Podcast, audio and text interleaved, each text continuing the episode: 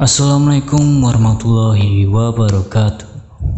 Halo semuanya, jumpa lagi dengan saya Salman, kurator dari podcast Horror Story. Kali ini saya akan membawakan sebuah kisah mistis untuk kalian semua. Kisah mistis kali ini datang dari Mas Kardi.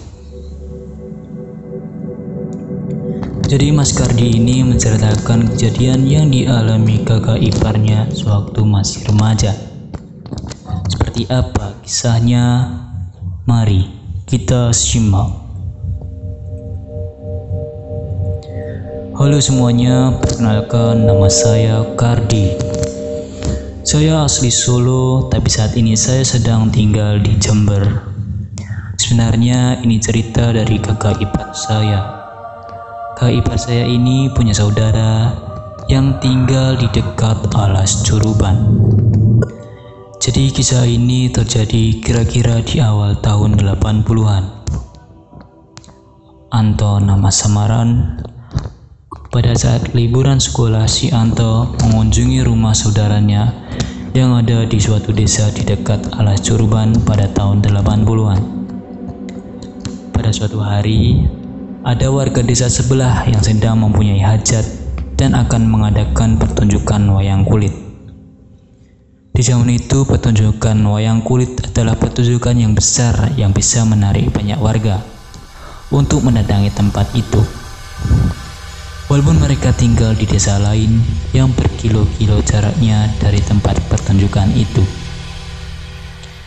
Saat itu Anto dan beberapa teman-temannya tidak ingin ketinggalan untuk menghadiri pertunjukan itu.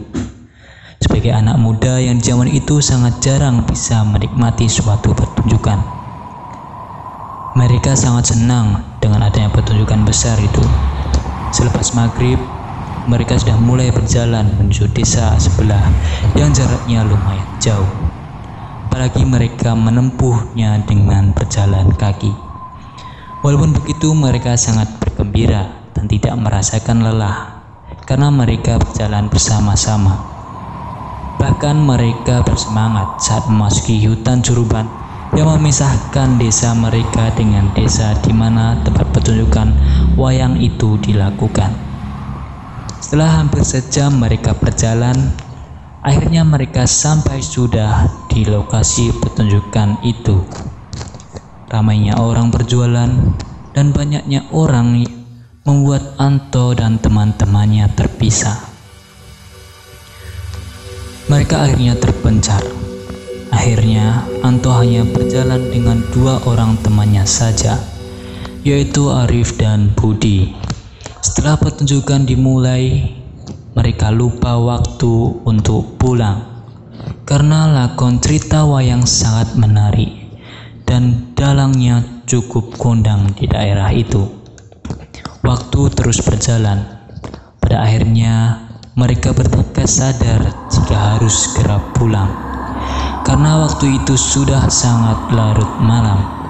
Mereka berusaha mencari teman-temannya, namun tidak menemukannya. Akhirnya mereka bertiga sepakat pulang saja. Di dalam perjalanan mereka harus melewati alas curuban yang terkenal angker.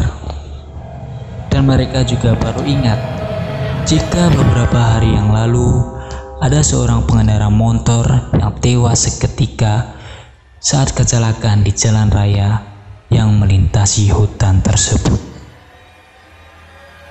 Kondisinya terseret oleh truk hingga puluhan meter dengan luka yang membuat wajahnya menjadi rata terkena aspal. Mereka bertiga berjalan dengan cepat dan hampir berlari agar cepat melewati hutan itu.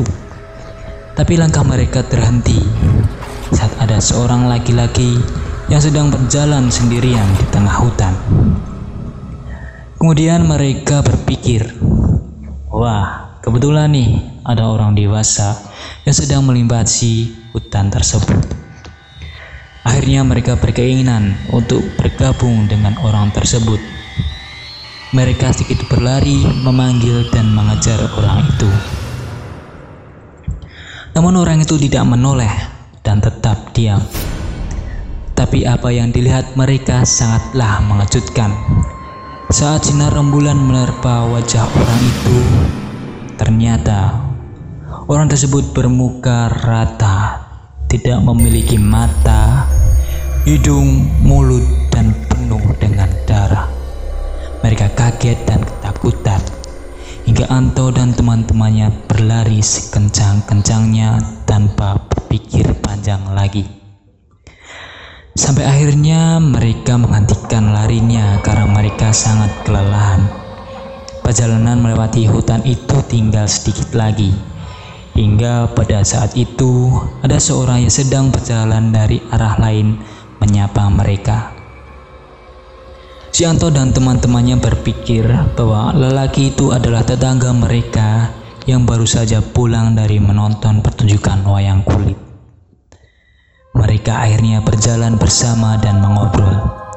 Sampai akhirnya si Budi bercerita bahwa tadi ia bertemu dengan hantu bermuka rata.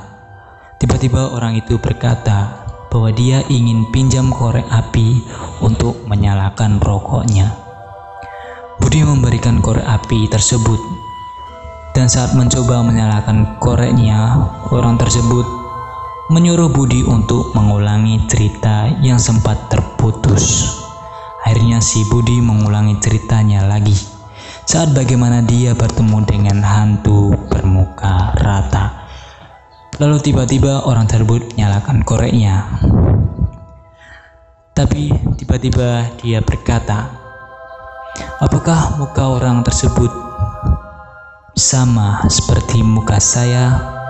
Spontan Anto, Budi, dan Arif melihat ke wajah orang tersebut dan kembali mereka terkejut melihat muka orang tersebut seperti orang yang ditemuinya tadi. Mukanya rata, tidak memiliki mata, hidung, mulut, dan penuh dengan darah. Mereka akhirnya kembali berlari sekuat tenaga tanpa berpikir panjang lagi hingga meninggalkan alas curuban. Demikianlah cerita mistis dari Mas Kardi. Sekian podcast horror story kali ini dan sampai jumpa.